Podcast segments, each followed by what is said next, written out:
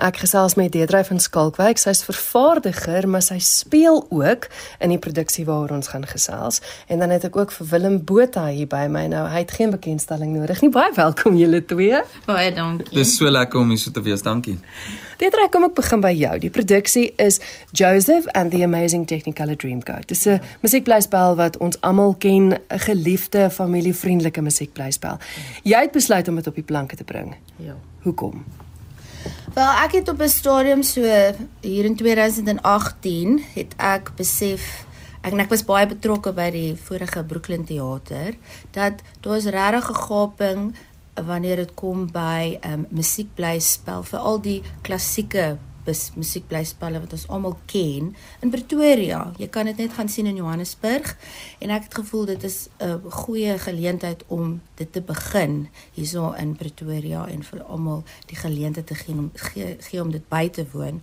So in 2019 het ons die eerste een vervaardig deur Brooklyn Theater en dit was My Fair Lady in 2019 gedoen en in 2020 Fiddler on the Roof en toe gebeur die groot see en ehm um, toe moes ons dit opneem en ons moes dit aanlyn opgevoer het. En toe moes ons nou 'n bietjie wag want al alles was toe en die gehore was nie bereid om uit te gaan vir teater nie.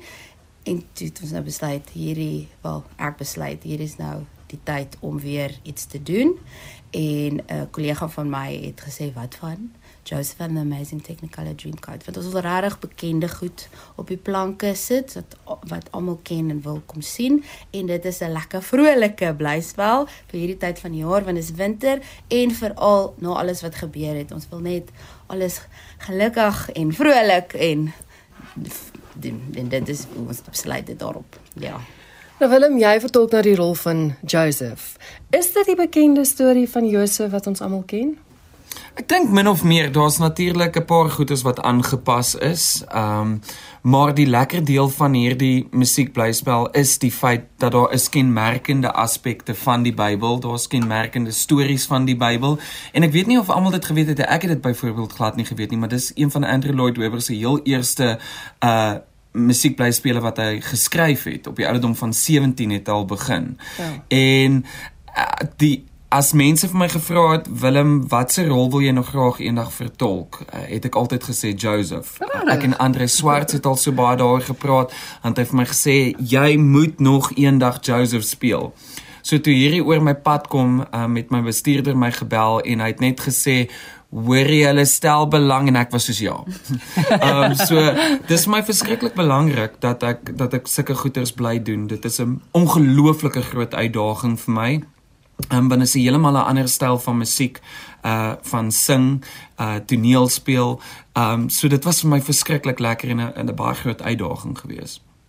Is dit wat ons kan verwag van enige ander musiekplastel? Dit is altyd groot. Daar's geweldig baie kostuum. Nou ek ken die grootte van die Afriforum teater se ja. verhoog. Dit is nou nie een van die grootste verhoog nie. Hoe hoe het julle dit moes aanpas? Wat lekker is van Joseph and Amazing Technicolor Dreamcoat is dat jy kan dit nogal minimalisties doen omdat die die doen dit is net sing. Die hele produksie is net sing. Daar's geen praat nie. Dit is soos 'n opera. Dit is soos Phantom of the Opera. Ons sing van begin tot einde. So die tonele wissel baie vinnig. So daar is nie tyd om verskriklike props en goeders op die verhoog te hê nie en daar's verskriklik baie beweging aangesien alles saam met musiek is. So die verhoog moet minimalisties bly. So ons gebruik gaan projeksies gebruik om die tonele te verander, maar die kostuums en die ligte en alles wat gebeur is nog steeds baie groot en soos 'n tipiese musiekblyspel en wat lekker ook is is elk um, Andrew Lloyd Webber het elke musieknommer gebaseer op een of ander ou musiekstyl. So daar's 'n rock and roll gedeelte, daar is 'n disco gedeelte, daar is 'n ou klassieke ehm um, musiekblyspel soos Seven Brothers, Seven Brides for Seven Brothers, ja, ja. so 'n tipe nommer. Ehm um, Elvis. Daar's 'n Elvis nommer, daar is 'n so hy het verskillende ehm um, style van musiek alles in een gesit in hierdie musiekblyspel en dit is wat alles aan die gang hou en lewendig hou want jy kry 'n nuwe styl elke met elke musieknommer wat jy na luister. Sjoe, maar Willem, dit bied seker 'n groot uitdaging aan jou en aan al die ander sangers, veral ook omdat jy klomp verskillende style het. Ja, wat ongelooflik is van elke keer as ek begin met 'n musiekblyspel is die feit dat jy regtig in hierdie geval ook werk met soveel nuwe jong talent. Jy kan sien baie van hulle is ongelooflik honger um en en so entoesiasties. Dis vir my die lekkerste deel van 'n musiekblyspel is die die geselskap wat jy ontmoet, die mense saam met wie jy werk. Ek is absoluut absoluut mal daaroor om saam met mense te werk en uh, dis vir my so snaaks altyd veral as ek die hoofrol speel, is hulle wil altyd vir my my aparte dressing room gee, aantrekkamer en dan sê ek vir hulle nee nee nee nee, ek wil sit waar almal sit. Ek wil met almal voor die tyd kan gesels en en ek dink sodra jy daai geselskapband vorm, dan is dit eintlik soveel makliker. Dan is dit as jy sukkel met as een sukkel met 'n kostuum om aan te trek soos ek byvoorbeeld gisteraand tydens die repetisies, hulle spring in, dis amper soos my regtig my broers wat dan inspring my help om knope vas te maak. Um wanneer daar enige vrae is, ek was nou vir 2 weke in die buiteland gewees tydens repetisies, sodra ek teruggekom het, dit was so lekker geweest want hulle spring almal in en help jou waar hulle kan. So vir my die hoogtepunt van 'n musiekblyspel is altyd die geselskap saam met wie jy werk. Mm. Maar dis nogal 'n redelike groot rolverdeling of nie? Ek meen Josef het al klaar 'n magtom broers. Mm. So hoeveel is daar in die rolverdeling? Ek dink ons is 700 op die veld. Ehm daar is ehm um, Josef het 11 broers en dan het ons het daar Jakob sy sy pa en dan gewoonlik in 'n produksie sal daar nou vir elke broer ook 'n vrou wees maar ons het net nie die spasie nie hmm. so ons het 5 addisionele dames wat nou al die ander um, agtergrond um, rolle doen en dan is ek die die verteller wat dan nou bykom. So ja, dit is 'n die broers was 'n uitdaging om 11 sterk mans wat almal mm. kan sing en beweeg bymekaar te sit. Ons het 'n fantastiese groep mans wat vir ons sing. Hulle ek dink dit is een van die beste groepe mans wat daardie rol as die broers soos te same speel. Dit is grait. Ek dink een van die lekkerste dinge vir my om agter die verhoog te staan in tonele waarin ek nie is nie en dis nogals iets wat hulle baie goed reg gekry het. Die musiek, die vervaardiging van die die musiek self uh, is ongelooflik die produksie. Ehm um, en dan natuurlik die stemme. Dit is hulle het verskriklik baie moeite gedoen met harmonisering en uh die stemme werk so mooi saam veral nou van die broers. Mm. So ek dink uh, dit is iets wat vir mense verskriklik gaan uitstaan as hulle die produksie kom kyk.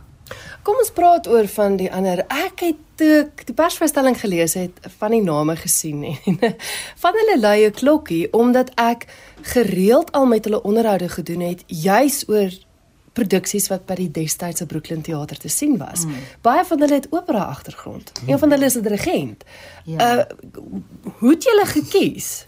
Wel, ek het natuurlik omdat ek betrokke was by die Brooklyn mm. teater, is hierdie al my vriende Goed. en mense wat ek en wat ek is ook 'n uh, opgeleide opera sangeres. So dit is waar die agtergrond mm. ons die die opera ehm um, wêreld in Pretoria is baie klein. Ons almal ken mekaar. Ons is soos familie. So natuurlik is hulle die groep mense ja. wat ek mee saam gewerk het en in my vorige produksies saam mee gewerk het, soos dis dieselfde groep mense wat ek dan nou betrek by hierdie want hulle weet wat hulle doen en hulle is fantasties. So ja, ehm um, Tinus Spies is ons regisseur. Mm. Hy het al 'n hele paar operas ingesing en ook ge ehm um, geregisseer by Brooklyn Theater. Maar maar tog is dit nie die luisteraars moenie opera verwag nie. Geen, Dis nie wat geen. hulle het net die agtergrond, maar hulle is so veelsidig dat hulle in 'n musiekspel ook kan sing. Absoluut, ja. absoluut, absoluut. Ja. Wat dit lekker maak van so feit dat daar altyd verskillende stemme is, is die die koorgedeeltes, die gedeeltes waar die geselskap mm. dan saam sing is so mooi want dit is klomp verskillende style. So mm. byvoorbeeld as jy hou van klassieke musiek, is daar baie mooi oomblikke in die in die musical in die musiekblyspel wat byvoorbeeld op dit fokus. Maar dit gaan nie so swaar wees dat jy daar uitstap en dink soos yes like it. Nou moet ek eers weer 'n stukkie sokkie luister nie. Dit is nie dit is nie so nie. Daar daar's 'n groot verskeidenheid in die musiekblyspel mm. ek gaan by jou begin. Hoekom wil jy hê moet mense kom kyk Ek dink net soos dis vir my so lekker die laaste ruk veral om te sien hoe gesond teater is, hoe mense dit weer ondersteun.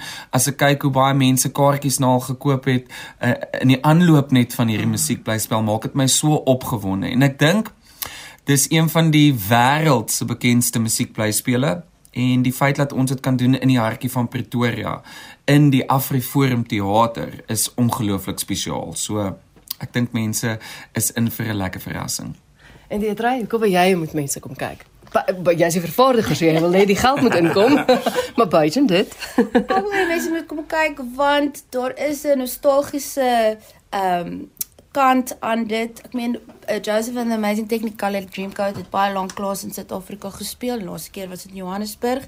So soos Willem sê, ons bring dit vir julle hierso in Pretoria. Julle hoef nie ver te ry nie en dit is net so lekker. Dit is so lekker blyspel. Jy gaan so lekker voel na al hierdie koue en omdat ons almal in die huis wil bly. Ek dink net dit is wonderlike ehm um, net uh, entertainment. Ek weet nie wat vermaak. vermaak is wonderlik vermaak. En is 'n goed gevoel. Goed, jy gaan so goed voel na die tyd. Dis kleurvol, dis lekker. Dit is net jy gaan nie spyt wees nie. Teen die tyd wat die onderhoud uitgaan, het julle reeds geopen. Maar vertel gou vir ons tot wanneer is julle te sien en wanneer is die vertonings?